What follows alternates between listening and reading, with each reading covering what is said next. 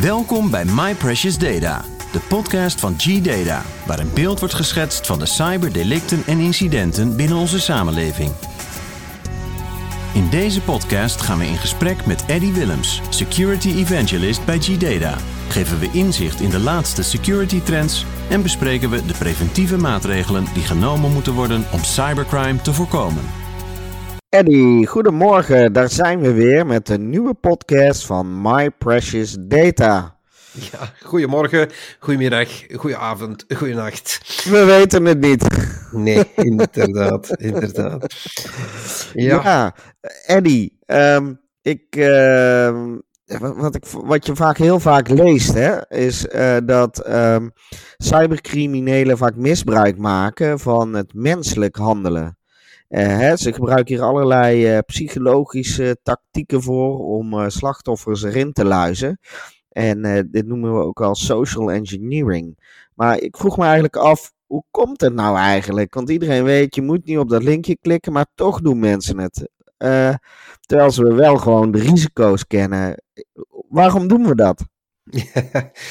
zo simpel is dat nu ook weer niet. Hè. Dit is een, eh, Ja. een hele brede, brede vraag en daar gaan we inderdaad de ganse podcast aan wijden deze keer. Ja, Over de psychologie achter de cybercrime in feite.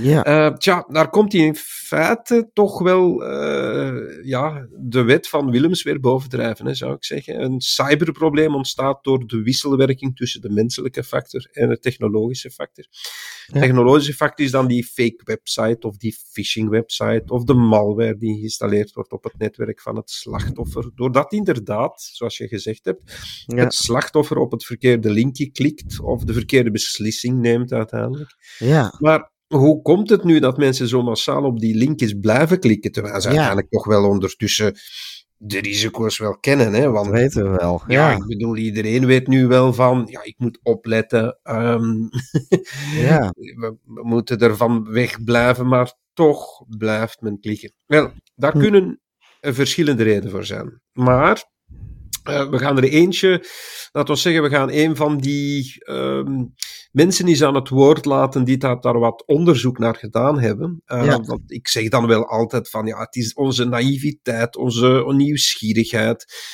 waardoor dat het komt. En dat is het wel. Ehm, maar er is ook een gedragsonderzoeker, eh, en dat is een zekere Robert eh, Cialdini. ja, Eh, Die heeft daar onderzoek naar gedaan. En die komt in feite af met zes universele principes van beïnvloeding, waardoor het gedrag van de mens wordt bepaald. ja, Ehm, dus social engineers gebruiken die principes dan om hun potentiële slachtoffers te manipuleren en dat bepaald bedrag dus, gedrag sorry, op te wekken.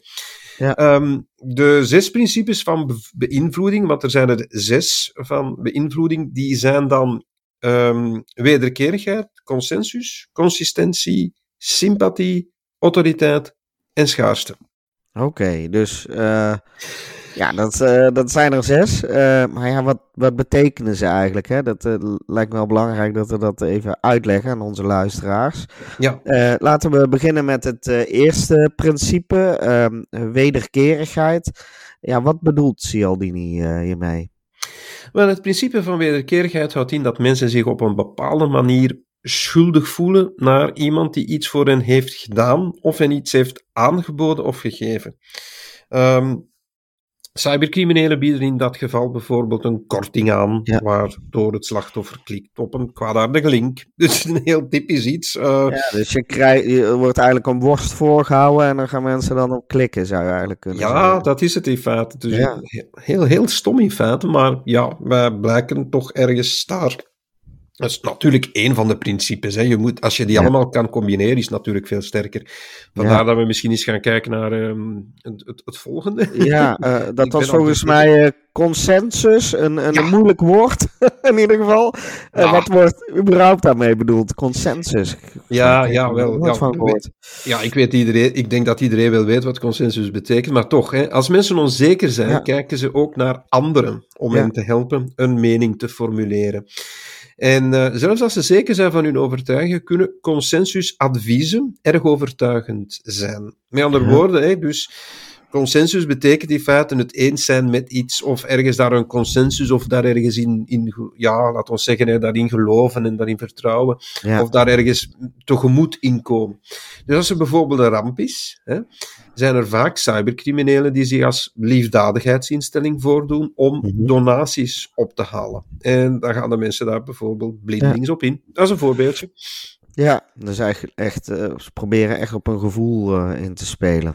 Ja, dat is het. Ja, Dat, dat, is in feite dat stukje wel. Ja, ja. Maar er komen er nog hoor. Het, het, het is allemaal wel wat gevoel uiteindelijk. Ja, ja. Het zijn gevoelsprincipes Ja, eigenlijk wel hè. Uh, en hoe zit het dan met dat principe van consistentie? Ja, wel, het principe van consistentie is gebaseerd op het feit dat we graag, wel ja, consistent willen handelen met onze eerder ingenomen standpunten. Hè. Door commitment hè, voelen we dan een zekere druk om ons op een bepaalde manier te gedragen. En doen we dat niet, wel, dan voelen we ons daar niet prettig bij. Hè. Um, de meeste mensen hechten hierdoor waarde aan integriteit. Hè. Uh, we bewonderen eerlijkheid en betrouwbaarheid in anderen. En we proberen dat ook in ons eigen leven in de praktijk te brengen. Ik zal het misschien eventjes illustreren, dat is altijd makkelijker. Een voorbeeldje. Dus cybercriminelen maken hier gebruik van door zich voor te doen bijvoorbeeld als een IT-manager en te zeggen dat ze bepaalde aanpassingen moeten maken voor de cyberveiligheid, ja. waardoor ze vervolgens eenvoudig toegang krijgen tot het netwerk. Oké, het is wel makkelijker gezegd dan gedaan hier, maar, um, maar, ja, dat is het. Hè. Dus men, men, uh, dat, dat, dat, is die consistentie, men gaat daarin mee en, en ja, men denkt dat dit is logisch, en, maar dat is het niet. nee, precies. En dan hadden we nog uh, volgens mij het sympathieprincipe. Ja, dat is een, een hele belangrijke. Um, dus uh, ja, cybercriminelen maken vaak gebruik van hun charmes. Um, ja. Door sympathiek over te komen. Aan de telefoon bijvoorbeeld proberen ze slachtoffers zover te krijgen dat ze voldoen aan een verzoek om gevoelige informatie te geven.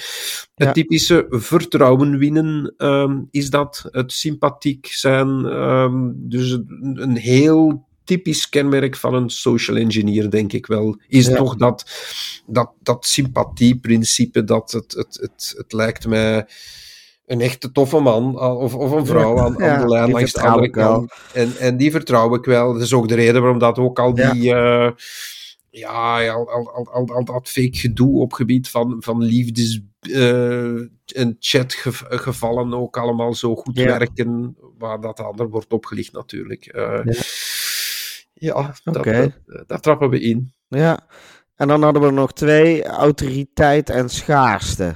Ja, Um, ja, inderdaad. Uh, klopt, klopt. Um, uh, ja, autoriteit denk ik dat het een vrij simpel iets is, denk ik. Hè. Misschien direct een voorbeeldje. Hè. Bijvoorbeeld, uh, cybercriminelen spelen daar nogal direct op in met autoriteit door bijvoorbeeld een nep, te een nep mail te versturen, zodat het lijkt dat die van de CEO afkomstig is. CEO-fraude bijvoorbeeld. De typische CEO-fraude, ja, dat hebben we ook op een andere, um, laat ons zeggen dat hebben we nogal eens... Uh... Ja, hebben we al een keer besproken ja, volgens mij. En anders moeten we het een keer doen misschien. Ja, ja, daar hebben we, toch nog, ja we hebben het er al eens over gehad. Ja. En, en dan wordt er gevraagd om bijvoorbeeld even een factuur van 15.000 euro over te maken. Um, ja, en mensen zijn geneigd hier uh, om gehoor aan te geven, aangezien het verzoek dus van een hooggeplaatst persoon komt. En, en ja, tegenwoordig zie je de mensen al amper en je krijgt dan dat bericht binnen van, zogezegd, uh, de CEO van je bedrijf. Ja, dan denk je van, ja, dit zal wel goed zijn. Nou ja, uh, dit, dit, het, het autoriteitselement is hier, ja. uh, dat, dat is toch wel een belangrijk element.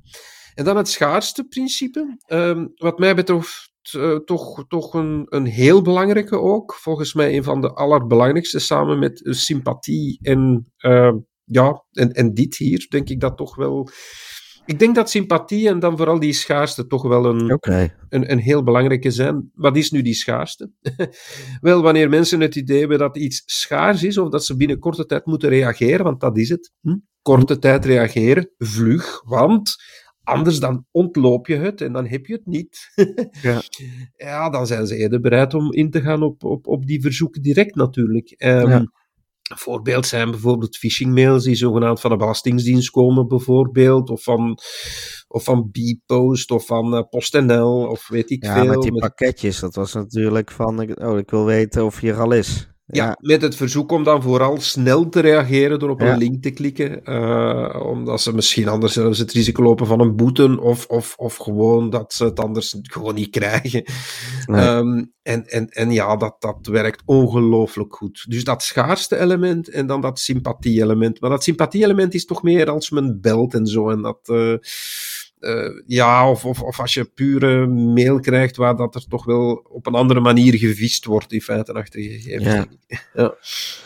En dan, ehm, nou, dit zijn eigenlijk meer eh, psychologische eh, principes die cybercriminelen gebruiken. Maar er zijn natuurlijk ook, ja, als je slachtoffer bent, Ja, dan heeft het natuurlijk ook een enorme impact. En ook een psychologische impact.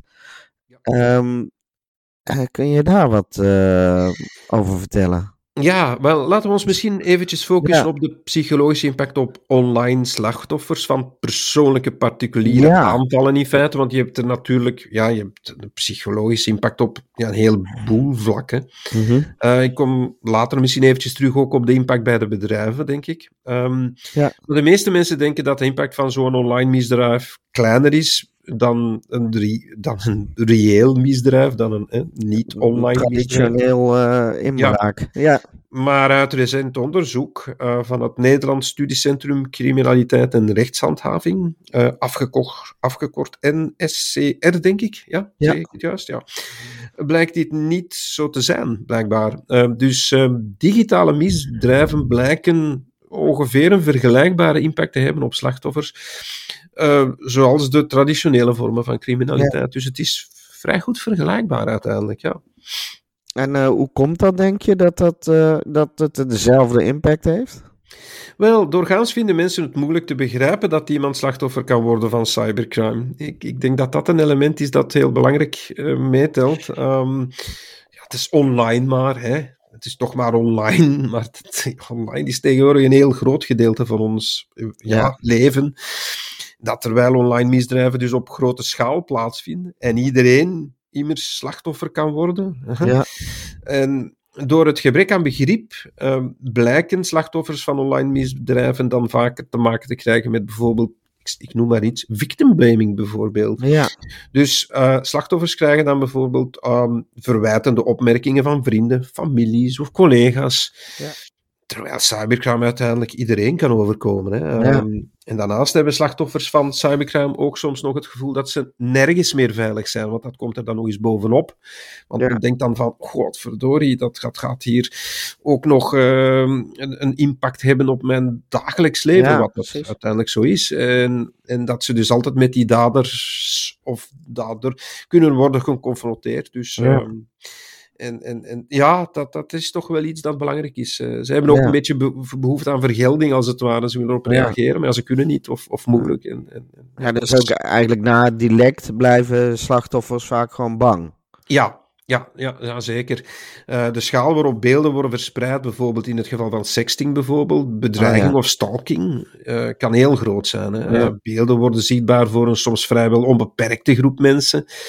Eh, de verspreiding van beelden kan ook onbeperkt in de tijd zijn. Ehm, het blijft dus dan- online natuurlijk. Ja, dat Eh, blijft ja. online. Eh, ja, naaktfoto's tegenwoordig.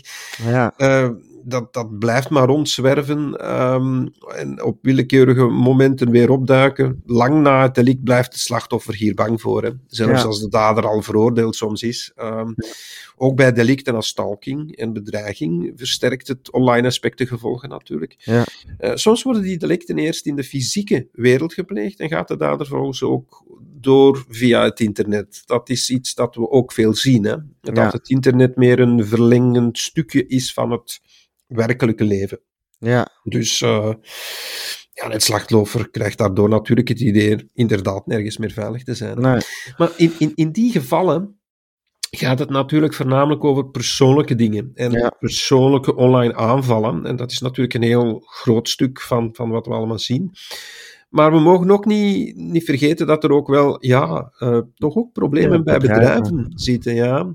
We zien ook dezelfde problemen trouwens bij bedrijven, waar het initiële slachtoffer bijvoorbeeld, het, het, eh, ja, de man of de vrouw die op de verkeerde link heeft geklikt, soms ook aan de schandpaal wordt genageld, omdat hij of zij dan de verkeerde beslissing heeft genomen. Ja. Klinkt gek, maar dat gebeurt.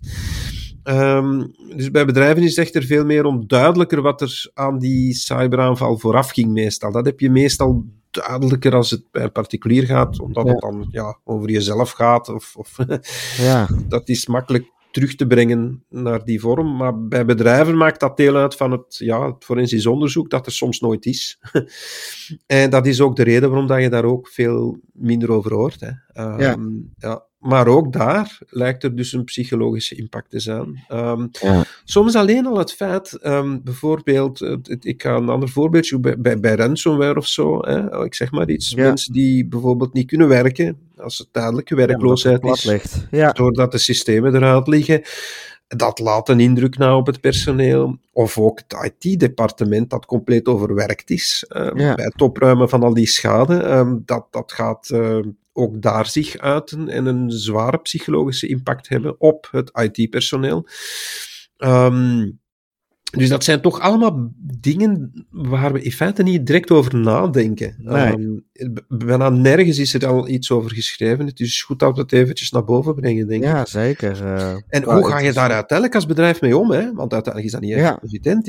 Eh, dat zijn ook dingen die men vergeet. Ehm, men, men denkt wel aan tegenwoordig aan, ja, we gaan dat hier allemaal in een policy gieten en we gaan dat mooi allemaal noteren en opschrijven. We gaan mooi al die dingen doen. Maar uiteindelijk, ja, er is nog heel weinig eh, ja, onderzoek naar gedaan van een, naar een heleboel zaken. En het is toch wel vaak onderschat, mijn inziens hoor. Ja. Ja, en ook wat je daarna eigenlijk doet, eh, of er nog een eh, nazorg is eigenlijk of zo. Ja, ja, klopt. Dus ik, Ja. ik, ik denk dat men misschien niet alleen ja, aan, aan, aan dingen moet denken, aan, aan het technologische aspect moet denken, maar ook eens aan ja, het menselijke aspect. Ja, precies. Ja, Komen we daar weer op terug. ja, inderdaad. Ja. Ja. En Dan is er natuurlijk ook nog vaak financiële schade. Ja, klopt. Ehm, de financiële gevolgen van cybercrime voor slachtoffers variëren van enkele, ja, honderden, eh, ik, ik zal zeggen, eh, euro's tot, tot bedragen van meer dan 2000 euro en, en soms meer. Vooral in zaken waarbij de dader een romantische relatie via internet begint met een slachtoffer. Ja, Eh, nou ja, ik bedoel, ehm, dat. eh, ja. ja, dat kan. Ja, dat. dat, dat eh, ja, dat, dat- er kan heel veel schade zijn, natuurlijk. Ja. Dat, dat, dat gaat echt alle, alle kanten op. Ehm, in deze gevallen gaat het natuurlijk over particulieren, maar de problemen gelden kan ook ransomware zijn natuurlijk. voor eh, bedrijven bijvoorbeeld, ja, waar de financiële gevolgen in de miljoenen kan lopen. Hè. Ehm, eh, het is toch wel ehm, aanzienlijk, hè, die financiële schade. Dus ja, dat, Ja. eh, tegenwoordig gaat dat echt van ja, een paar eurotjes tot miljoenen. En het zit er ergens tussen. Ja, en zijn er nog eh, andere gevolgen die eh, plaats kunnen vinden bij het slachtoffer? Ja, naast die financiële gevolgen zijn er ook gevoelens van schaamte, schuld. Ja, het- er al verdriet, over gehad. Verdriet eh, van het verlies, bijvoorbeeld van een ingebeelde liefdesrelatie. Omdat men daar dan eh, ingetuind is eh, Ja. door die... Ik, ik, ja, dat, een van die principes er straks. Hè, dat Ja, of als je op het linkje hebt hè. geklikt als, Ja. en het hele bedrijf ligt plat. Dat lijkt me ook niet heel erg fijn. eh, Nee, als ook je niet. weet dat je daar eh, de dader... Je voelt Ja. je dan toch een soort dader, denk ik, of zo. eh. Ja, ja, ja, ja, ja, ja, ja, ja. Dat Ja. is het, dat is het. ehm. en, en de kans bestaat ook dat het slachtoffer zich terugtrekt uit de online maatschappij. Dat zien we dan ook veel gebeuren. Ehm, negatieve gevolgen worden versterkt als blijkt dat de politie niet dat actief op zoek gaat naar de dader, soms dan nog eens. ja, Of als het op het politiebureau verwijten worden gemaakt aan het slachtoffer. Nu moet ik wel zeggen, dat gebeurt wel minder tegenwoordig, gelukkig. ja. Het is ook veel Maar- online, toch? eh, dat je aangifte kunt doen. Maar, maar dat is het soms. Hè. Het, het, het feit dat, ja, dat er precies niets wordt gedaan aan die zaken. Maar uiteindelijk wordt er wel veel aan gedaan hoor. Meer dan men Oh, denkt. jawel. Ja, Ja. nou ja, ik denk altijd, eh, oh je geeft het op en uiteindelijk hetzelfde als er een fiets wordt gestolen of zo. Dan ja, doe Ja, wel. aangifte, maar uiteindelijk gebeurt er toch niet zoveel. ja, maar toch hoor. Veel mensen denken dat de politie nog niet voldoende toegerust is op, op de bestrijding van die online criminaliteit. Maar Oké. ehm, nee, politiemedewerkers zouden niet voldoende opgeleid zijn, zogezegd, en denken dat dit soort criminaliteit te ingewikkeld, te grootschalig is. Maar Ja. hm, Die indruk is, is niet juist. Oké. Eh, nee, nee, nee. Het ligt, het ligt niet altijd aan de kennis, maar eh, meer aan de capaciteit. En het gebrek aan goed personeel soms. Ja. Ehm, vooral die capaciteit is wel een probleem. Ja. Eh, omdat het ja, tegenwoordig allemaal online is. En ja, erg lastig is voor de politie om voldoende aanwijzingen soms te vinden, zodat ze de daders kunnen veroordelen natuurlijk. Dus, maar vandaar ook dat men ook in allerlei landen natuurlijk wel een in, aan een inhaalactie bezig is om ja, meer Ja, politiediensten zeker. op dat niveau gereed te hebben. Hè. Er wordt ja. wel hard aan eh, gewerkt in ieder geval. Ja. Maar, maar heeft aangifte de, doen dan eigenlijk wel zin? Eh, aangifte, toch wel hoor. Eh, sowieso. Ehm, dat heeft altijd zin. Is zeer belangrijk. Cybercriminelen vallen vaak meerdere mensen aan. En op die manier kan de politie onderzoek doen naar de tactieken en de bewijzen beter verzamelen om die daders op te pakken. En om die, dat soort incidenten in de toekomst uiteindelijk te voorkomen. Dus Ja. eh, zeker en vast. eh, Ja. Mensen doen dat te weinig, denk ik. En Ja. vergeten dat te weinig, dat het een hele grote impact kan hebben eh, om, om dat echt allemaal aan te geven. Ja. Ja. Maar ehm, ja, wat kunnen we eigenlijk doen om te voorkomen dat er veel slachtoffers bijkomen? En wat kunnen we doen ook om het te verminderen? Ja, wel, wat we vooral ook niet moeten doen, is de mens altijd de zwakste, als de zwakste schakel af te schilderen. We doen dat wel, hè. want, want dat is iets dat in ons zit, een beetje te zeggen van, ah ja, de mens is de zwakste schakel. Wel, het is inderdaad één van de schakels eh, die, die, die eh, laten we zeggen, tussen aanhalingstekens moet beveiligd worden. Ja, En hoe doen we dat dan natuurlijk? Dat is altijd de vraag. Wel, het, het belangrijkste is dat dat kennisniveau rondom online misdrijven omhoog wordt gebracht, zodat slachtoffers kunnen rekenen op steun en erkenning.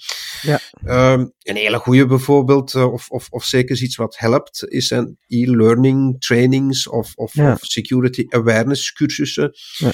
Of, of eh, webinars, of, of eh, Ja. ja. je hebt ook heel, heel mooie lezingen.